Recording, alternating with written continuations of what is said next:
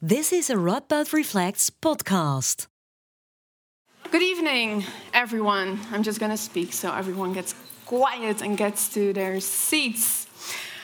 Dear attendees, welcome to this event of Radboud Reflects and the Diversity, Equity and Inclusion Office. It's nice to see so many people here tonight, although it makes me freaking nervous.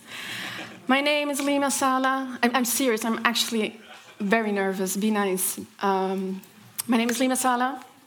I'm a historian and DEI expert myself. I'm currently working as a PhD candidate at the Political Science Department here at Radboud and at the Netherlands Defense Academy, where I conduct research on inclusive leadership and organizational cultures.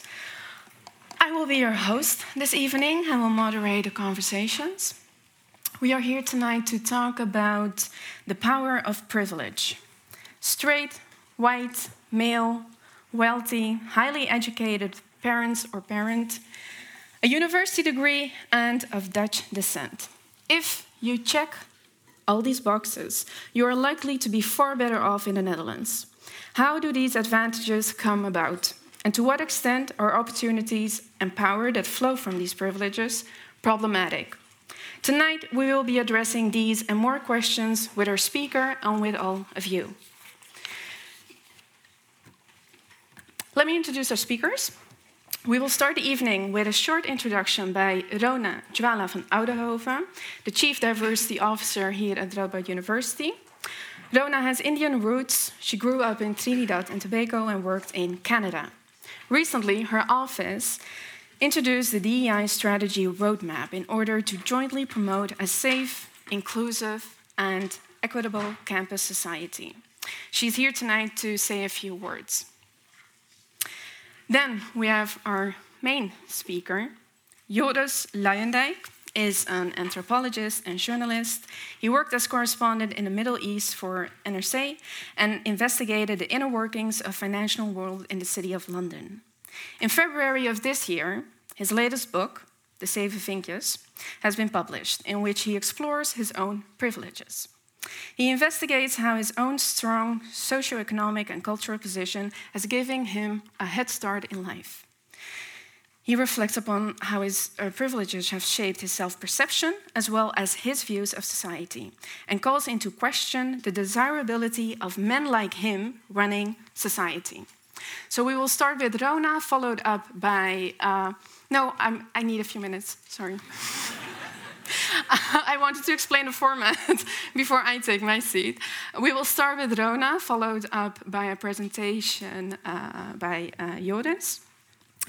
Then I have the privilege and the challenging task to interview Joris, and that will be followed up by a Q&A with all of you. Before we start, some of you know I always start events by giving out a content warning. We are here to discuss systems of oppression, power, privilege, and intersectionality. These are heavy topics related to experiences of pain and vulnerability for some of us.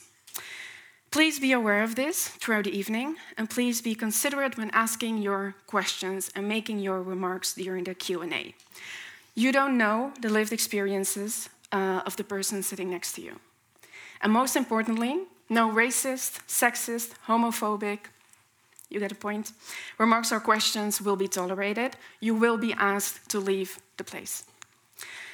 And um, as I say this, uh, I am aware that um, it is not always possible to create an entirely safe space for everyone, but I will try to do my best to enhance a safe space as much as possible. And the same goes for us. I know I'm standing here in the position of a moderator, so somewhat a position of, of, of power, but these topics affect me too uh, in a personal way. Um, so I'm not only nervous standing in front of everyone, I'm also nervous about the topics we're going to discuss. Um, and same goes for Joris. So um, just to make it clear that we're talking, that all of us are in this together. Let's try to make this an evening of learning, critical engagement, and mostly finding one another in our stories. Rona, the floor is yours. Yes, I'm sure.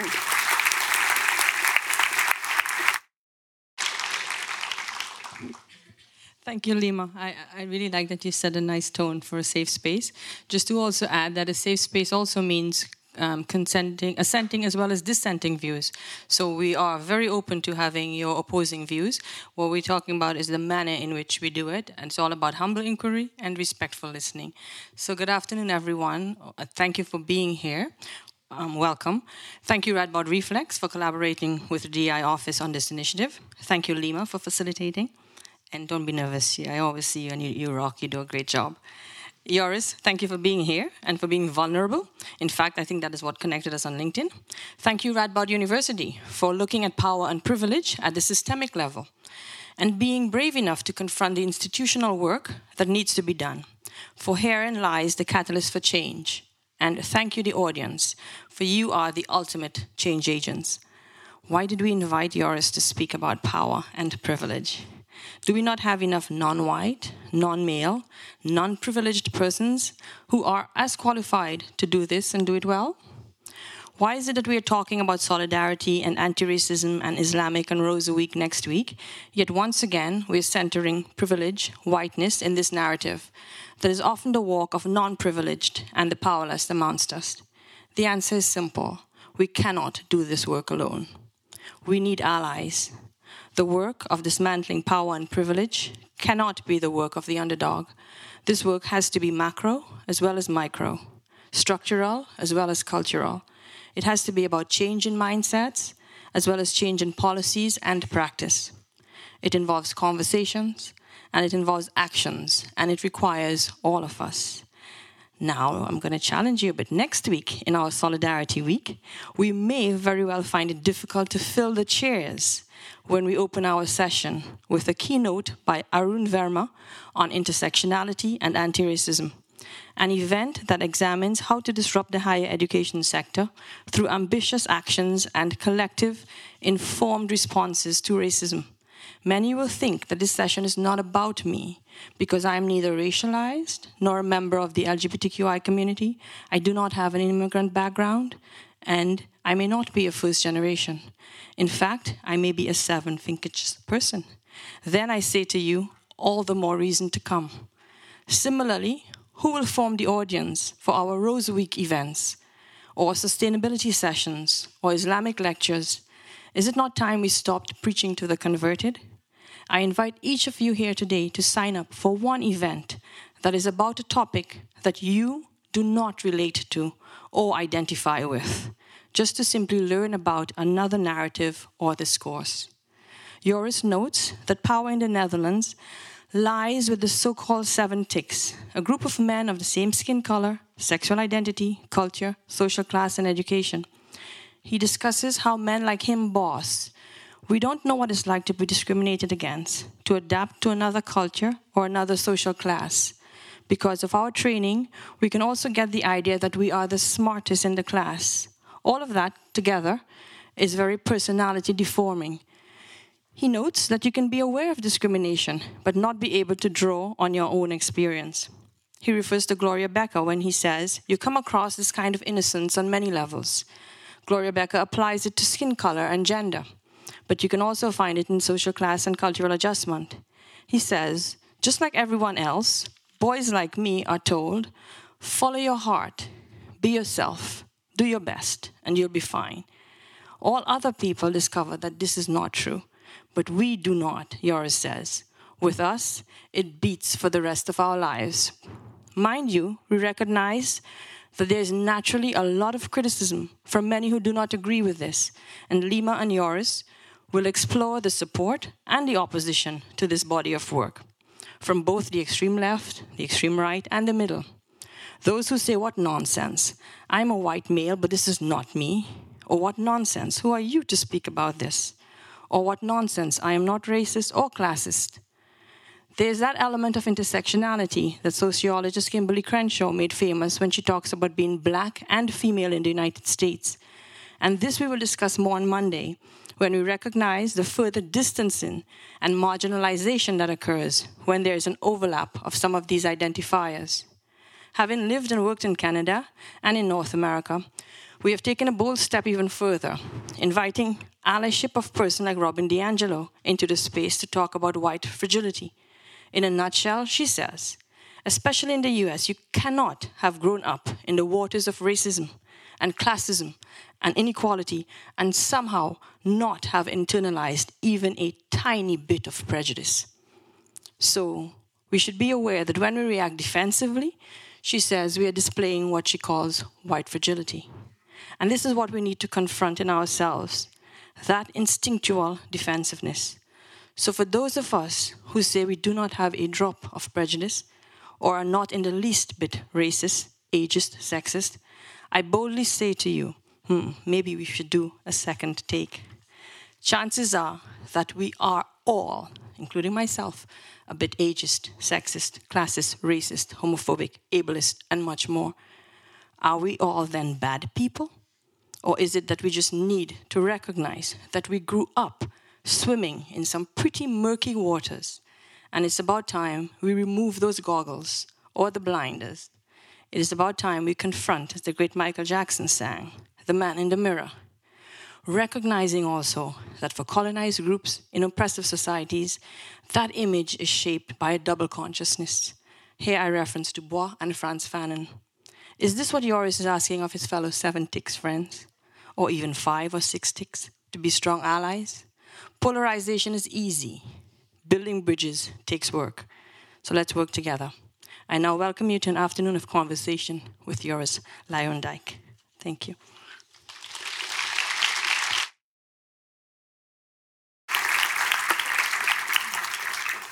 Yeah, thank you very much, uh, Rona and Lima. Thank you very much, uh, uh, Radboud University, and thank you all of you for showing up. I think this is the first sort of public event um, about my book. It's been three months now. Uh, and so nobody thought to organize any kind of event like this so far. Uh, so I'm really pleased and, and uh, very happy. And you're, you're moving your hands. Can, can you speak a bit more slowly? Ah, yeah. This is, this is one of my many handicaps. But otherwise, it's so boring for the rest of them. no, no that's my regular joke. My, uh, yeah, I'll try to speak more slowly. Um, thank you very much for the introduction. Um, I think, as, um, as Ona said, it's, the book is not about equality of opportunity.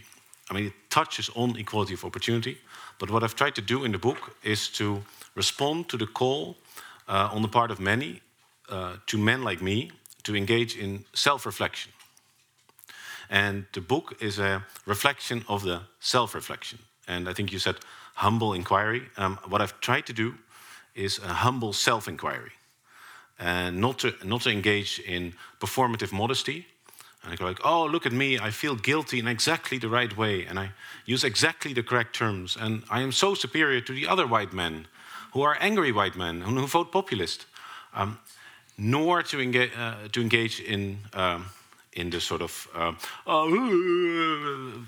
uh, cancel culture, uh, woke, uh, threatened species. That would have been much easier. Um, it may even have spared me some of the criticism, because now the criticism came from the far right to the radical left and everything in between. Probably if I had written one of these two, I would have at least gotten some support in the media.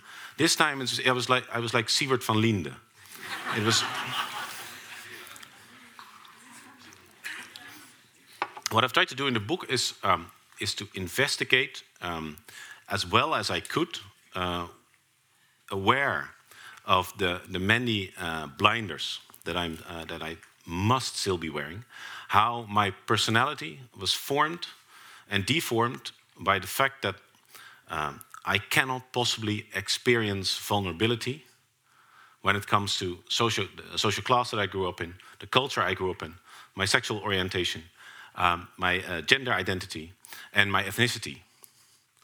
Then, having gymnasium as well as uh, uh, university, that I, uh, I'm neither able to experience the kind of contempt very often meted out to people who did not go to university or to uh, polytechnic and hogeschool.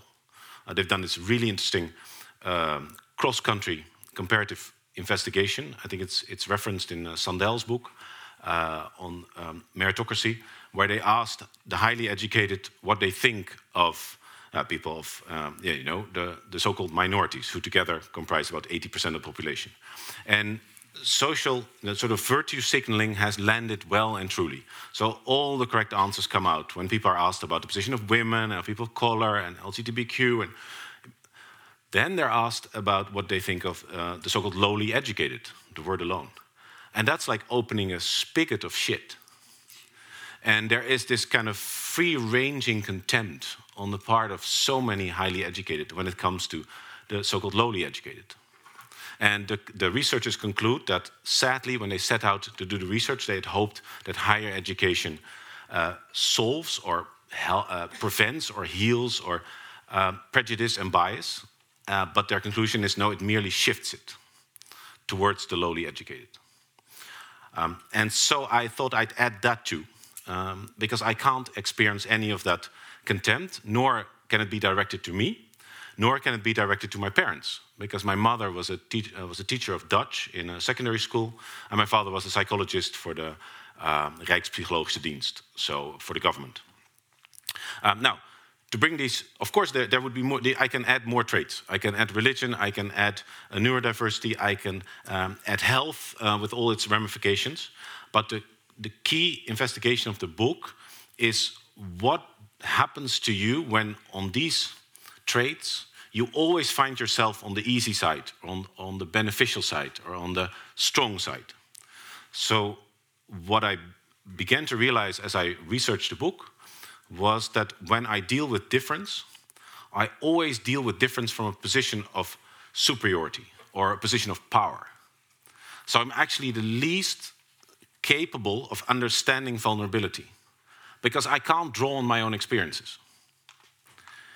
Now, now you could ask, so why, why talk about this, this group? And indeed, uh, when I worked out how, the, how many men like me there are in a country like the Netherlands, is less than 3%. But then I went on to research, which took me forever, to look at all the biographies of our prime ministers, our ministers, those in public administration, openbaar bestuur, as well as um, in university and the corporate world. And five out of the last six prime ministers were men like me, unable to draw on their own experiences to understand what discrimination or code switching is. Eight out of the last 10 ministers of justice are men like me. And uh, the landsadvocaat, I would not know what a landsadvocaat is in English. Anyone?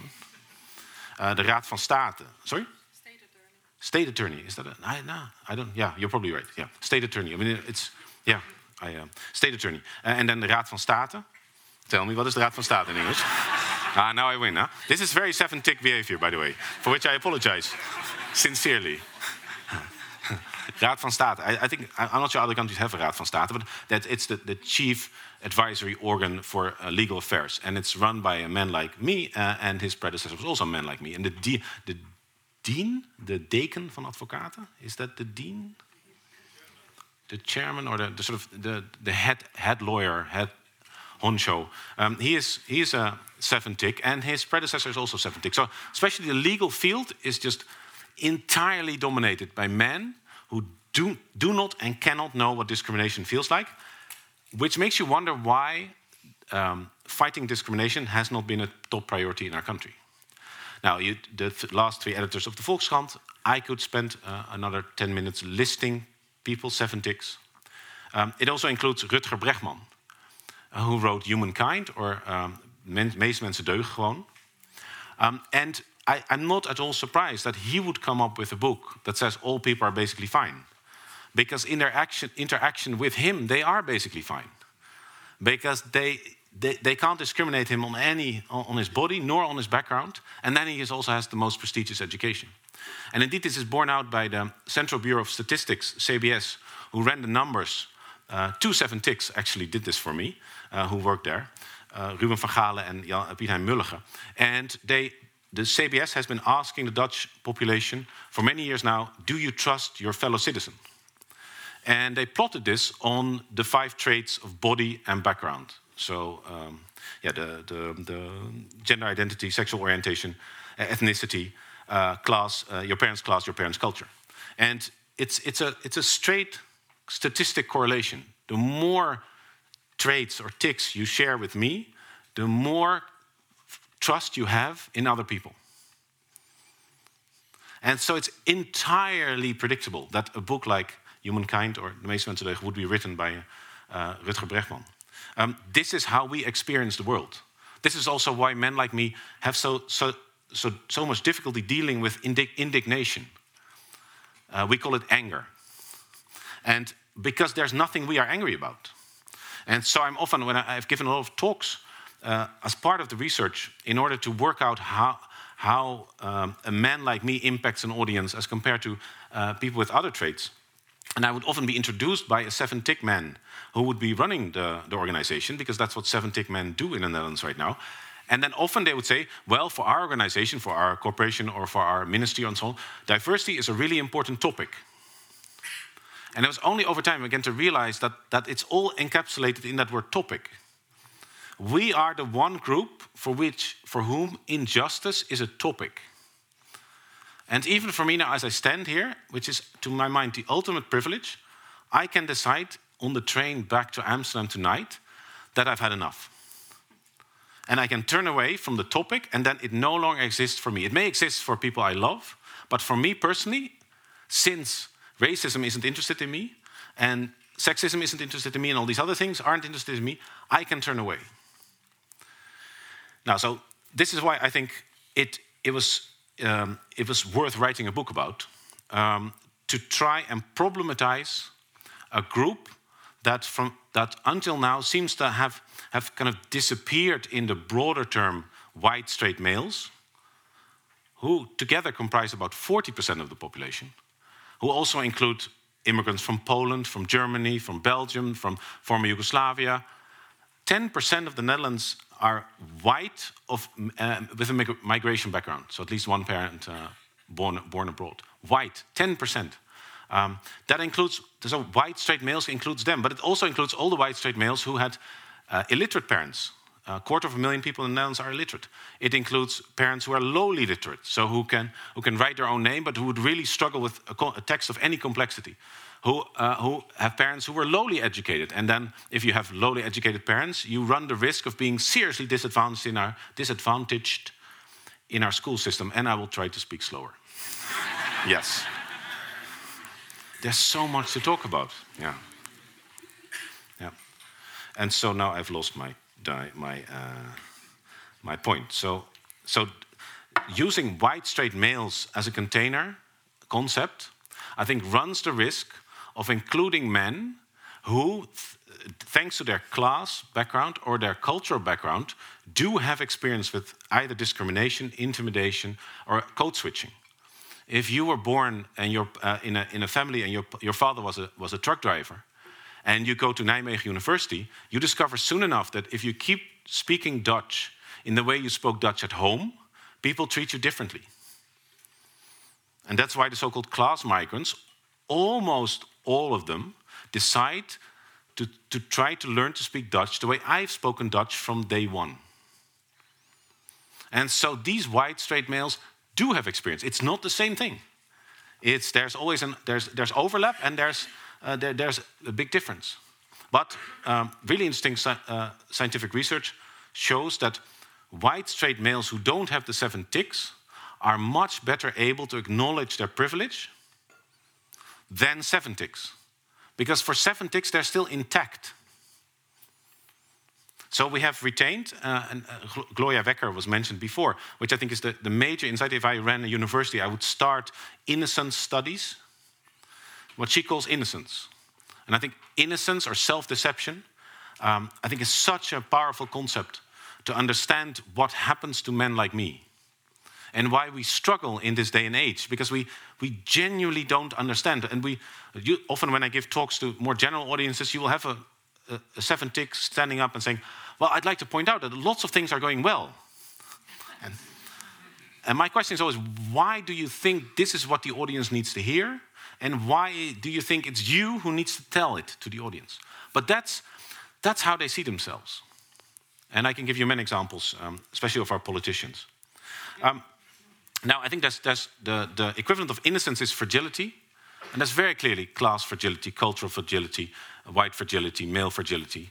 Um, you can, I, am um, always struck by the, the, sort of soothing subordinate clauses with which many people with different ticks start their, to make their point, saying, well, uh, uh, not to be complaining, or I'm not a feminist, but, or I don't want to sound uh, zielig, but seven ticks never ever proceed what they want to say with, well, uh, I, I, I don't want to sound complaining. They just make their point. And often they don't even have a question, they have a sort of spontaneous review. and, the, and I was like this.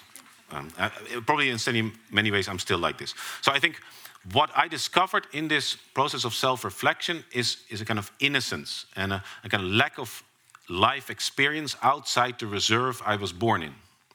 Now, what does that do? And then that's my final point. What does that do to a country where such an overwhelming part of elite positions are occupied by men with, with the lack of that life experience? I think because we're, we're so similar that we've come to dominate and monopolize the definition of quality.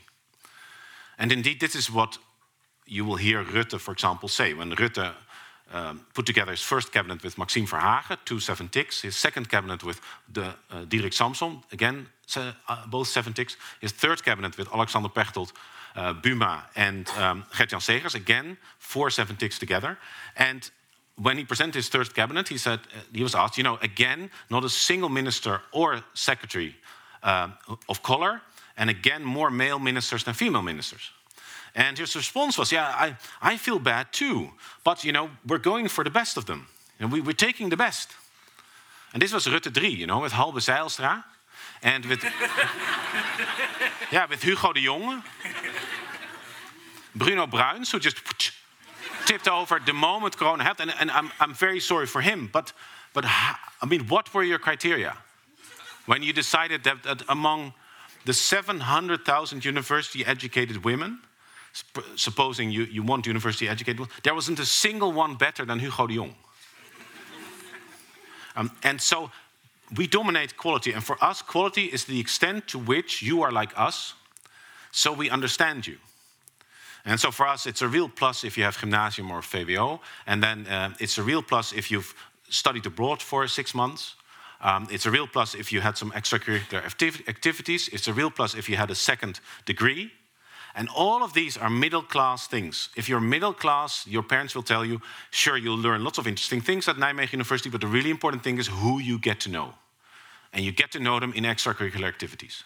You get to play uh, adult in these, uh, in these, you know, as the kroegcommissaris of the student fraternity.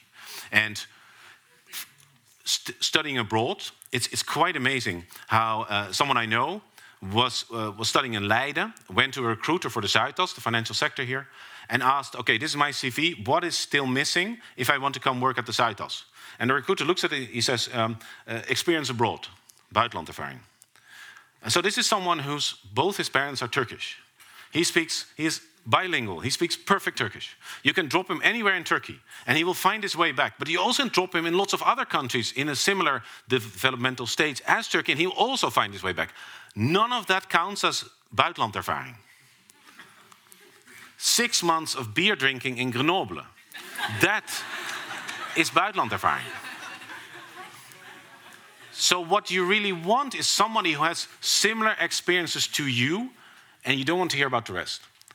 And so, the final point is not only that we prioritize the kind of life experiences that we have and then present them as quality, it's also that we, we leave out, obscure, ignore the qualities that everyone else has to develop. And so resilience. And um, um, the, the, the, words are better in Dutch. So incasseringsvermogen, aanpassingsvermogen, inlevingsvermogen, veerkracht, vechtlust. These are things you don't need as a seven tick.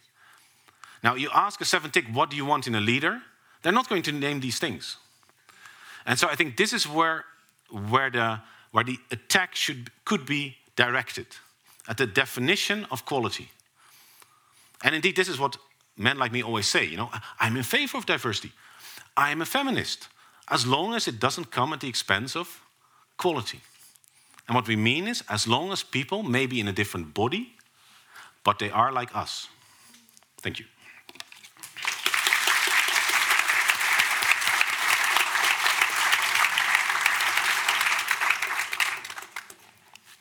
Thank you. Thank you, Jonas. I was thinking about what you said that people say it's just a topic. I once asked a diversity officer who was a white woman why she's working in the field, and she said, It's so much fun, it's trending, and it's nice, right? And right there and then, my heart broke. Because those are not the reasons why I'm doing the work, so that's very recognizable. Thank you for the presentation, thank you for being here. Um, I have a few topics I want to address. Um, save your questions for the Q&A, unless you think it's very, very urgent in the moment. Um, let's start at the beginning. Uh, so I read the book, and it starts with your experience in London and the reasons um, why you started writing the, the, the book. And I was wondering, even the reason is quite privileged in itself, right? Who gets the chance to go to London in your position and you already had uh, a name, you had already made a name for yourself in the Netherlands. So I was wondering, why write this book and what was the moment in London when you thought this is something I need to dive into? Um, yeah, so the book starts out when I got my dream job at The Guardian. Um, I met Alan Rusbridger at an elite event, um, which I moderated, and where I got to sit next to him uh, during dinner. And then I charmed him, and I gave him my book, which was translated into English. Uh, a seven tick, a British version of a seven tick had published it in England. Um, and then I came, I went over, and I just didn't gel. And I was not never given the benefit of the doubt. My jokes didn't work. I felt absolutely awful, and after two years, I resigned. Um, and I think there wasn't a one moment. It was this, this slowly growing realization that um, I just lacked the adaptive skills. And I think this is the great paradox is that the reason of all Dutch people I got the dream job was because of all these privileges. And all these seven ticks who, in the course of my life, had opened doors for me because I chopped my life into bits. And uh, after every bit, there was a door, and that door opened. My book was published, or I, I, I uh, mustered the courage to, to, go study in Egypt, or and so on. And there was always seven ticks who opened the door for me. But because that door was constantly open for me, I had no experience with code switching uh, or uh, or um, yeah, incasseringsvermogen, uh, resilience. Uh, I was utterly unable to adapt to, to British culture, and so I failed. And so a friend of mine who has two ticks, he would have made it because in the course of his life, he had a very different childhood in Zeeland, and um, the, the wind was blowing right in his face. He was white and male, but everything else was, was absolutely atrocious. Um, he would have he would have succeeded there, but of course he had been he had dropped out of the race, if you want to call it a race, long before. Mm. So that that that began to strike me as the the the, the ultimate paradox, and I, I realized that I that um, if I want to address men like me, I need to start where they are and then take them through a, a, story with an experience embedded in it so I can take them along. And so it was also in terms of narrative structure that I realized that the, the Guardian experience would help me write a book in a way that could draw in people who until now had maintained their innocence by keeping all books about diversity out. Mm. Because, of course, there were more, more uh, sort of channels feeding into a growing awareness. I mean, there was BLM, BLM, and there was Me Too, and there was LGBTQ movements, and there were so many the rise of so-called populism, uh, and so on. There were, there were so many currents, but the Guardian experience, I think, helped me encapsulate. In, in, in earlier versions, there were, there were long bits about Egypt, where I lived for four years. I tried to learn Arabic, uh, but ultimately, I decided no, I have to pin it all on that Guardian experience. That was the moment that yeah, experience changed stuff for you as yeah it was it wasn't not, it. it was not a moment i think the, a moment is is what we tell journalists mm -hmm. when mm-hmm. we want to feed them an easy story it's i think changes in your brain happen more on a, on a, on a gradual plane and you started seeing it after you felt it, the experience in itself there. It was the, I had lived abroad quite a few times in, in the US and in Egypt and Lebanon and in Palestine. Uh, but the, this in the UK was the first time I was dependent on people who were culturally very different from me, and who also turned out to be from a different social class. Um, and then I also lacked the network because I had gone to university, but I had gone to the wrong university. I didn't have, I hadn't gone to Oxford or Cambridge or LSE, so I didn't, I could, I wasn't one handshake away from people who I could sort of claim on uh, or, or or approach for how am I doing? Uh, am I doing something wrong? I lacked all that. And then when I came back and I began to complain about this to my friends, um, they be, they kind of very kindly signaled to me, it's like you are in in a very sort of uh, diluted way uh, uh, yeah, talking about my life. And I began to, to realize the way I felt that the Guardian was a, a watered down version of what many compatriots of mine experience all through their lives. Um, and it was still, as you say, it was highly privileged, also in the sense it was bungee jumping. I, could, I would never crash. Yeah. There was the elastic. I could always go back to the Netherlands, where at once I would again become this person that if I defend my interests, nobody says, ah, identity politics. As if I don't have an identity. Nobody says, oh, we have a panel, but we should have at least one seven tick for that perspective. because we are perspectiveless. And so, so that was that why the, the experience in, in, in London was, in, was still very spoiled. Yeah. But the people who, for whom I write the book primarily are also very spoiled. And so I was quite fortunate, I think, to have an experience that, that was still within their stretch zone and wasn't immediately in the panic zone because of that, that massive layers of innocence and fragility. But then you had that experience. So why do you think? Because you're t- you, you talk about um, you write about um, seeing it, feeling it, and I was wondering why do you think seven thickers, for example, in this room, will be convinced by reading your book now? Well, from the responses I get, um, is that they are given the book by their partner or by their daughter, um, or because they know me, or because they're mentioned in the book, and I, I send them a copy. And and essentially, the, the responses are all similar. They're, everyone said, "I really didn't feel like reading the book." I also didn't see the, the necessity because I've I've been keeping up with the news. I I, fo- I I- I've seen the protests about BLM, and I, I'm very much against uh, all the all the all the, the racism, etc. And I Have I you already started? I'm sorry, writing the book when BLM happened here. it's yeah. I, I was well. It's it, it's kind of the, the book devolved, but yeah, yeah. I was um, I had a version ready, uh, but it, that was a very bad version, so I knew I had to start all over again. To, it, the writing took about two and a half years, and the whole uh, thinking and researching altogether, I think about four years. Okay. That's usually how long a big a big book. I consider this a big book. A big book takes. Yeah. So, and then normal people uh, do a PhD in that time, and I do this. Um, and so, what the seven ticks tell me is like, like I didn't see the necessity. I really felt that I was, you know, I read the Volkskrant, I read all these interviews, especially since BLM, where every week there's a big interview with somebody explaining what it's like to be excluded. And I, I you know, I, I diligently follow that. I mean, most of my friends are, of course, soft left, so they, they read these things. Um, and then I, um, I struggled at every page, and, and I, I, I began to seek out the differences where you were privileged and I wasn't. and, it's, and it's cumulative, and then over time, as you know, I speculate. So I'm given this opportunity, but what if I'd been Olga Luyendijk, the name I'd been given as a, if I was a girl? What if I'd been of color? What I certainly would not have become zomergastenpresentator if I had been of color, because there's never been a zo- presenter of color. Um, and and so some of some of these seven tick friends tell me that they've been lying awake for a couple of hours, sort of going through their own lives and thinking, who opened which door? Who showed me a door? Who told me how to knock the door? Who recognized me as a fellow seven tick and then showed me the way after the door was opened? Um, and then I asked them, so would you be interested in coming into a podcast that I'm, I'm thinking about starting, where seven ticks sort of talk among each other? It's like, where do we go post innocence? And they go like, no way. No way. I run a hospital. I cannot afford to plunge my hospital in a Twitter storm. Yeah. Because of the work they do, they do not want to participate. Well, because of the toxic uh, atmosphere at the moment. Joris, why not speak? Why not do a podcast with black women, black men, LGBT, I feel I have very little to add there. But a lot to learn? Yes. So I listen to them. Okay. That's It what I've been doing. I mean, yeah. I've, I've been and I'm interviewing and uh, countless uh, people have really helped me uh, on endless walks, also during Corona, Mm-hmm. where where we just take one tick and we just say, so so what is the hardest in your mind to explain to a white person on what it's like to be non-white?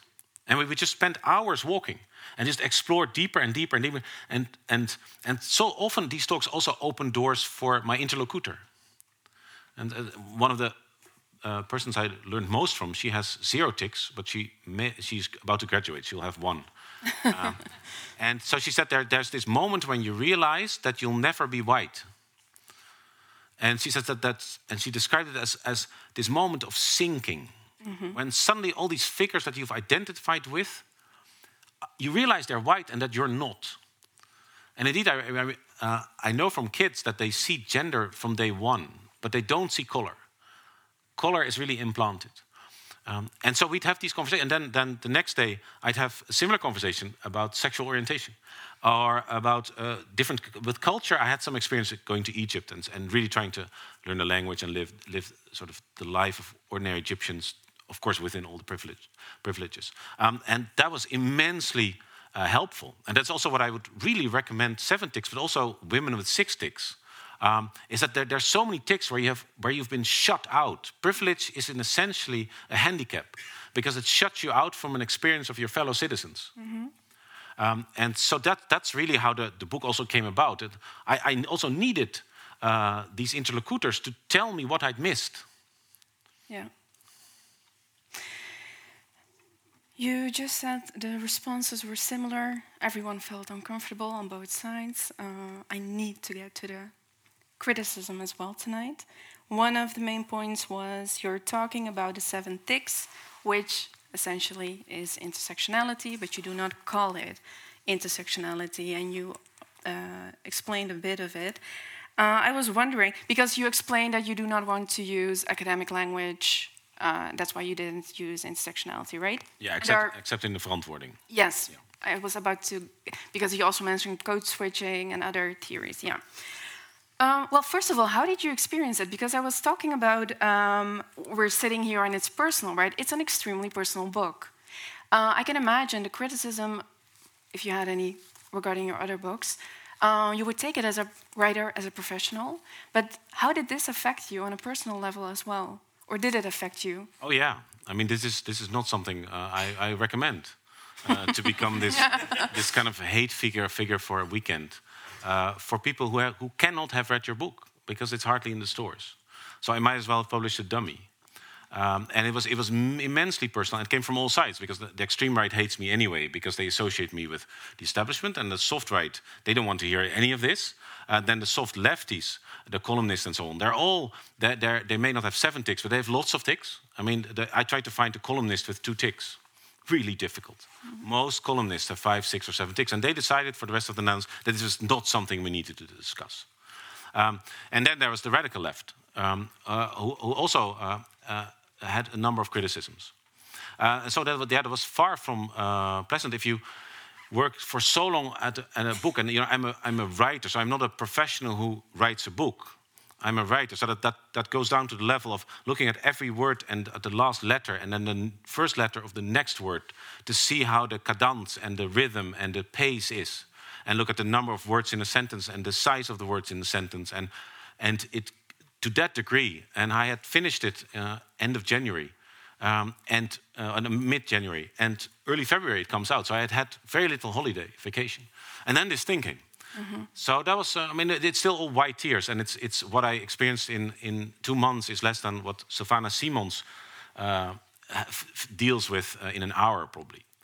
So, but I think you can you can experience pain and still put it in a context where you realize that it's it's small beer compared mm-hmm. to other pain. But then, then Mariupol is again worse than Sylvana Simons. We can always find something worse.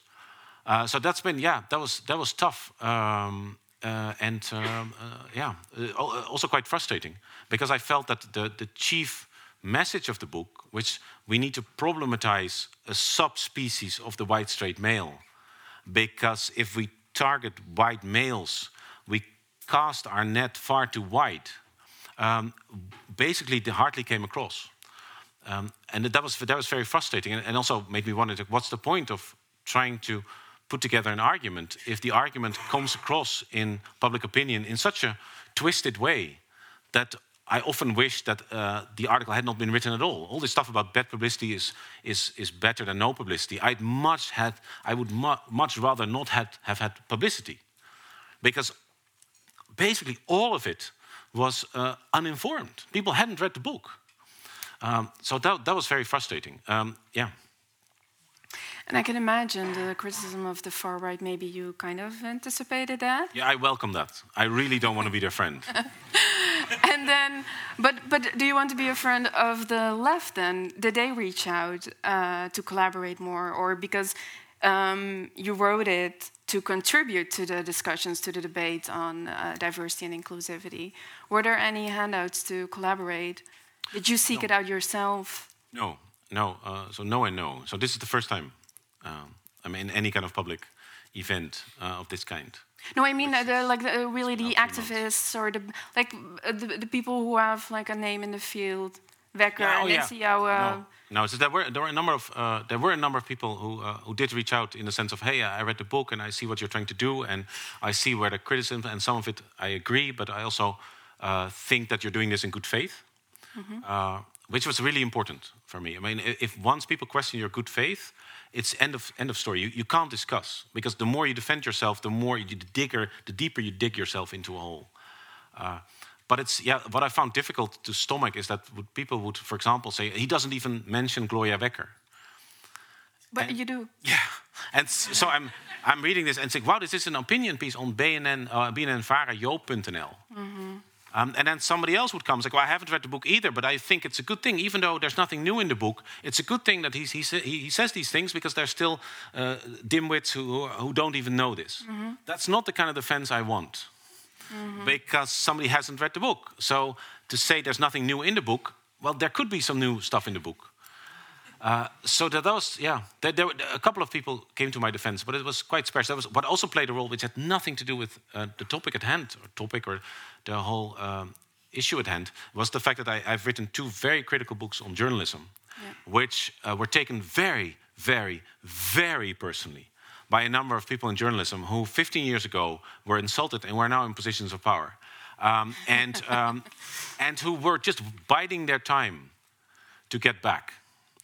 Um, and I, I'd been warned for the past 15 years by friends uh, who do go to their parties. It's like, they, they really hate you. and so they said, What have you done? You know, what, I, what did I miss that you have done? So now they really hate you. And so this was their opportunity.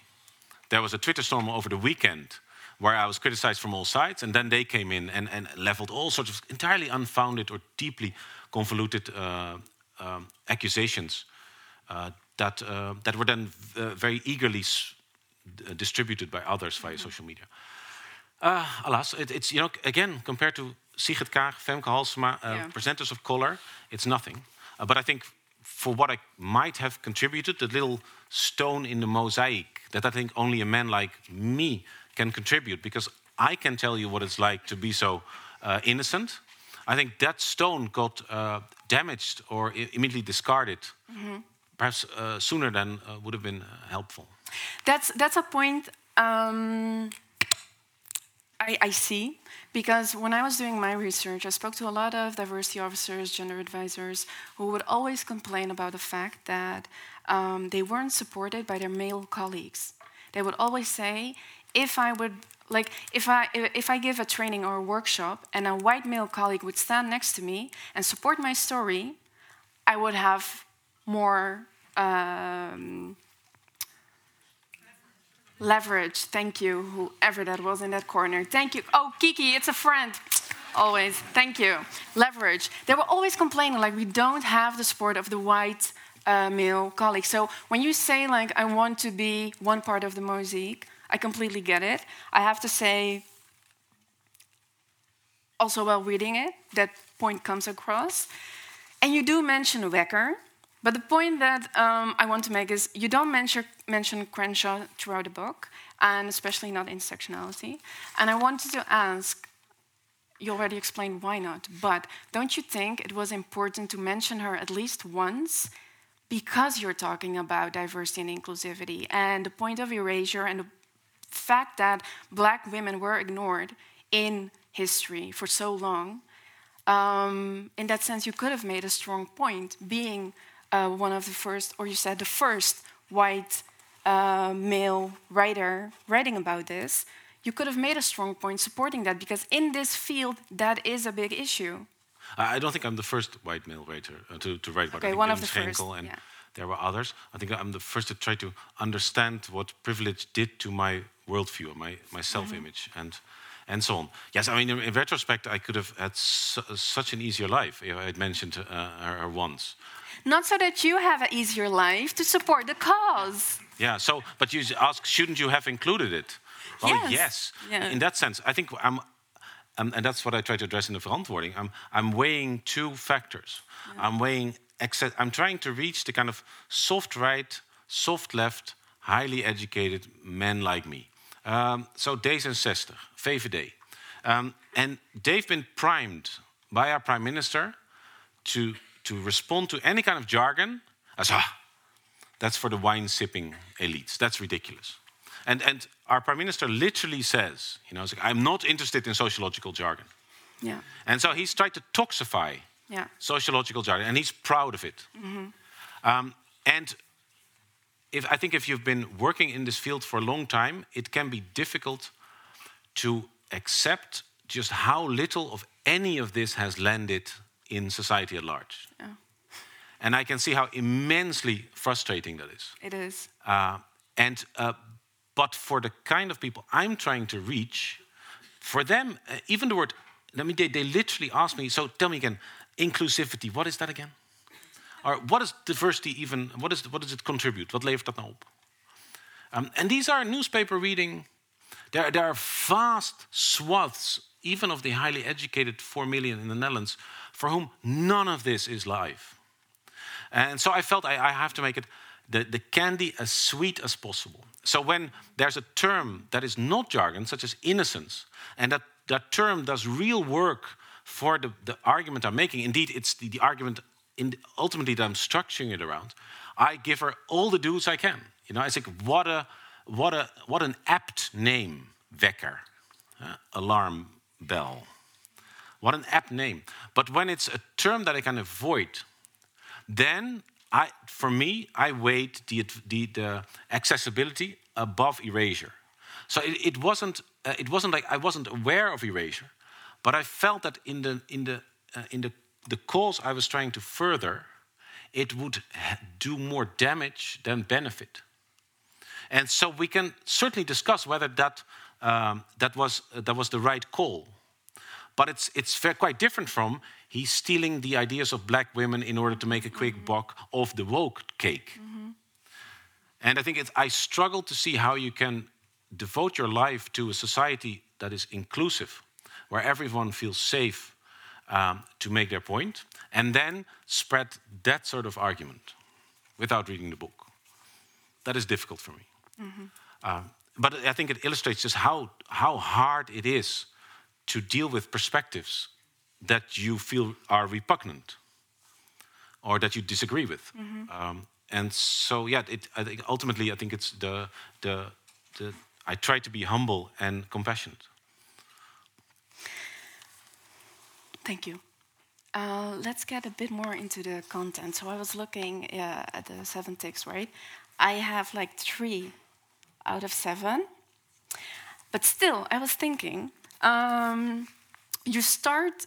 Can I share something about what's in the book? Or okay, um, so you start by your uh, childhood story when you were uh, ill, and you're talking about how different your life would have been if uh, if you wouldn't been able to walk after after that experience but you can and life is different and everything so i was thinking um, a lot of the ticks are, related to class and education um, and we talked about there are more ticks to, to be mentioned. How would you say that for example health because you start with that saying this would have made a big difference in the rest of my life. How would you say other ticks like health, religion, uh, or in my case, I'm, I'm, I'm the child of uh, war refugees, and even the three ticks I have are colored. Um, how would you say these seven ticks? How should we perceive these seven ticks in context with other possible ticks which could have a major influence on our lives? Yeah, so I think that seven ticks is not a theory or a formula. It's it's it's more a, yeah, what Dutch call an, an handvat, a kind of a peg, to talk about experience with vulnerability, and to try and switch privilege from something that you should try to want to something that you, you should acknowledge is effectively a handicap in, if you want to understand society you're in. So I could have I could have made it twelve, um, being from a post-Christian culture with the seven dwarfs and the seven uh, uh, world wonders, I went for seven. Um, when it comes to health, I mean, I think certainly a region, religion, neurodiversity, there are a number of uh, that one could have included. Health, I think, is, is, is really of an entirely different kind. Uh, it is impossible to research uh, when you want to take into account uh, biographies of uh, prominent people, because health also includes mental health. It is extraordinarily difficult to find out how people's mental health is, also of those in power, let alone their parents. Mm -hmm. Um, and so, if you want, uh, that this is why I've decided to focus on specifically these seven, is also because you, they are researchable. Um, ABN, uh, speaking the sort of the, the, the dialect of the, the, the, elite, algemeen beschaafd Nederlands, is already really difficult, to, both to define and to work out whether people had spoken it at home. Um, so the, the, the, key thing, I think, is not so much which are the seven ticks, are there other ticks, but hey, there is a category of people in society who, no matter how many ticks we include, always find themselves on the easy side. They are the most, the most likely to achieve positions of power and prestige because they've got everything in their favor, but they're the least likely to then address injustice because they're not exposed to it. That, in a nutshell, is my argument. Um, and so that, that's, I, I, can see how it's a, it's a, it's a really um, interesting and intriguing parlor game. Like, who can think of another tick? There's so many. There's so many, but it takes away from this fundamental insight mm -hmm. that mm-hmm. the people least capable of running a society that honors difference are currently the ones most likely to become the leader. And so that, I think that calls for direct government intervention. It also calls for redefining quality. Take that definition, uh, definition power of, away from us. We no longer should define what is quality. We should say if we go from a society governed by an invisible norm, where the more you look like and the more you behave like Joris Luyendijk, the more likely you are to do well, to a world of difference where people can express their differences to the point where it becomes unworkable. You, if you're gay, you no longer have to pretend to be uh, straight. If you're female, you no longer have to wear, hair, wear your hair short and so on. Um, if, if, we're going to, towards a world of difference, we need different leadership qualities. And these leadership qualities are found everywhere except among seven ticks. Who are running the country. Who are running the country. And also the conversation about the country. And the university. I think and other organizations. well, I think the, uh, the, the university actually quite a few. Uh, uh, so Marianne Letschert in Maastricht is also a class migrant. Yeah. Um, and.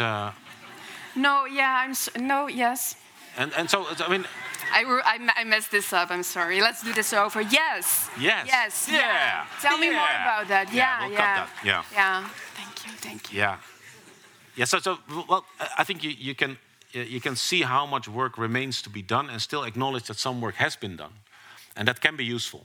Um, um, so, uh, universities, I, I found uh, fewer than in politics. It's mm -hmm. striking also that, that um, the less you can measure performance, the more likely you'll find seven ticks. So you can measure performance in uh, the in Parliament because there are elections and people campaign campaign for themselves. Parliament is far more diverse than the government. The government works through appointing, uh, mm-hmm. appointments. Mm -hmm. The same with the city council across the country are far more diverse than the aldermen mm -hmm. who are appointed. Mm -hmm. um, and so you look at entertainment, sports, and so on. You can measure performance. The city, where I did research uh, when I was there, if the say derivatives board, the derivatives desk, you find everything.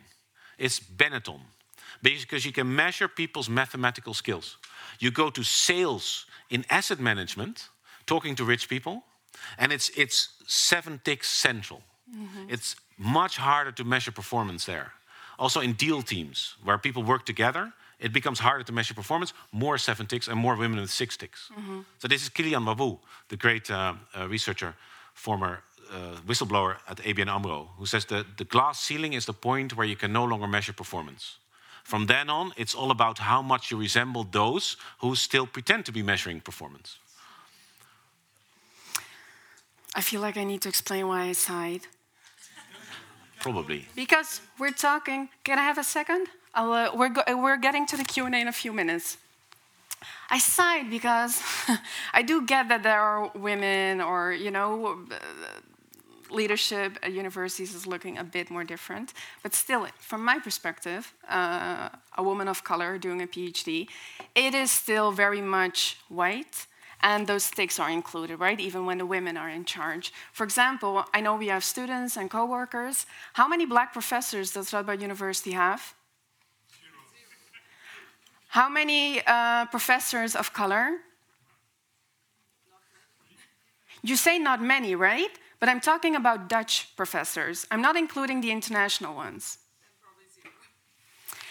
So, from my perspective, it's still very much, even like uh, the point you're making about leadership and the government, from my perspective, it's like everywhere. That's why it's at running the country. It's at so many organizations, and it really doesn't matter when one woman is in charge because we know one person uh, in one like one person running a or she's still dependent you know from so many other factors so yeah that's why i sighed yeah i want to say that point um, the things you're saying about quality that really struck me because uh, a lot of people ask me, Do you believe in quota? Should we have quota?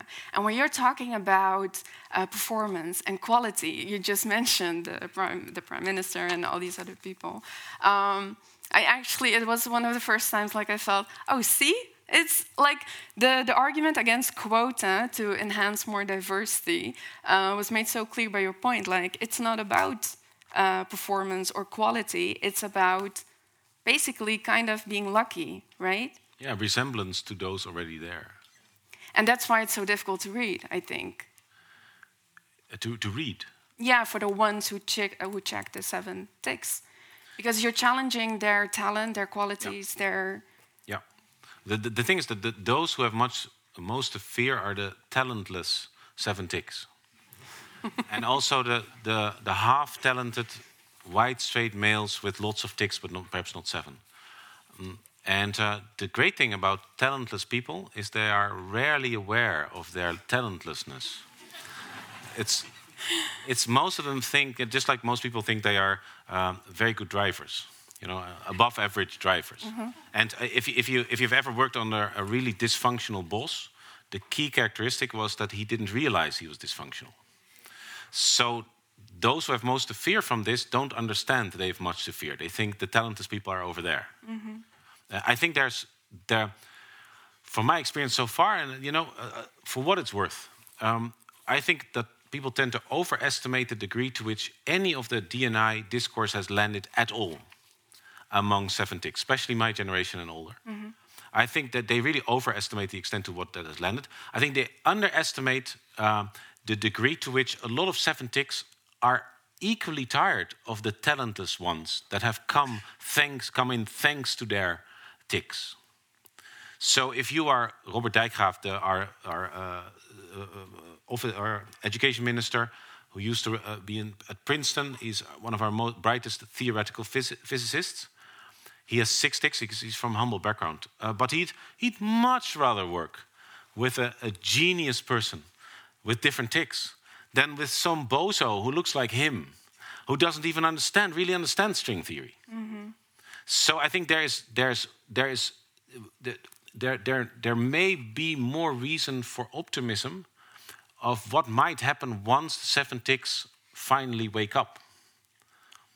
Um, and I can only speak to myself. For myself, I've, I've, always I've been appointed always by men and hired by men, but I flourish under women.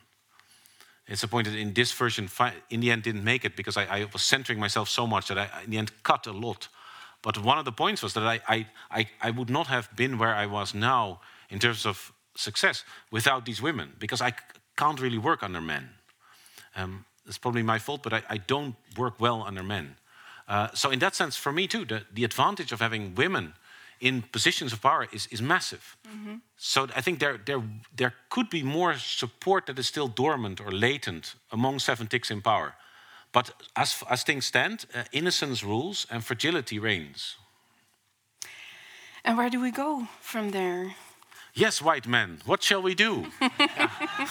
but that's the thing, right? Because uh, the, the title is Zeven vinkjes hoe mannen zoals ik de baas spelen.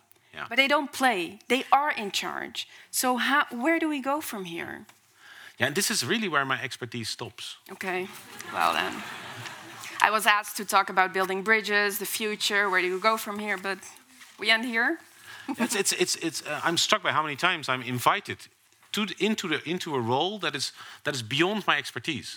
and and a, a, a, a woman friend said, Yeah, yeah, exactly. When I, when I um, address a problem, I'm asked for proof. Yeah. When you're, you address a problem, you're asked for a solution. And so, again, here there's a gender. There's also sort of gendered insults then leveled at me that I'm coward and I'm weak. And women are rarely called cowards and weak. So there, there is that these, yeah, it, it's all again, you know, male tears. It's, it's nothing big. Uh, you, you see these soothing uh, sounds I make, um, but it's it's striking how that works. How I'm I'm I'm, all, I'm in a double bind. If I don't offer solutions, ah, that, that's that's easy. And if I do offer solutions, I'm the white man telling people what to do. Thank you. We're going to wrap up. Um, I want to thank everyone for coming here, taking out uh, time to be here. Thank you for the questions, for the remarks. Uh, as Rona said, there are a lot of events being organized in the coming weeks. Please do join uh, one or two sessions whenever you can. Uh, I want to thank Radboud Reflects for organizing, the DEI office. Rona, thank you for being here and for organizing. And thank you for being here, for sharing everything, for being vulnerable, and uh, making my job a bit easy because the nerves are gone by now. Thank you so much. Thank you.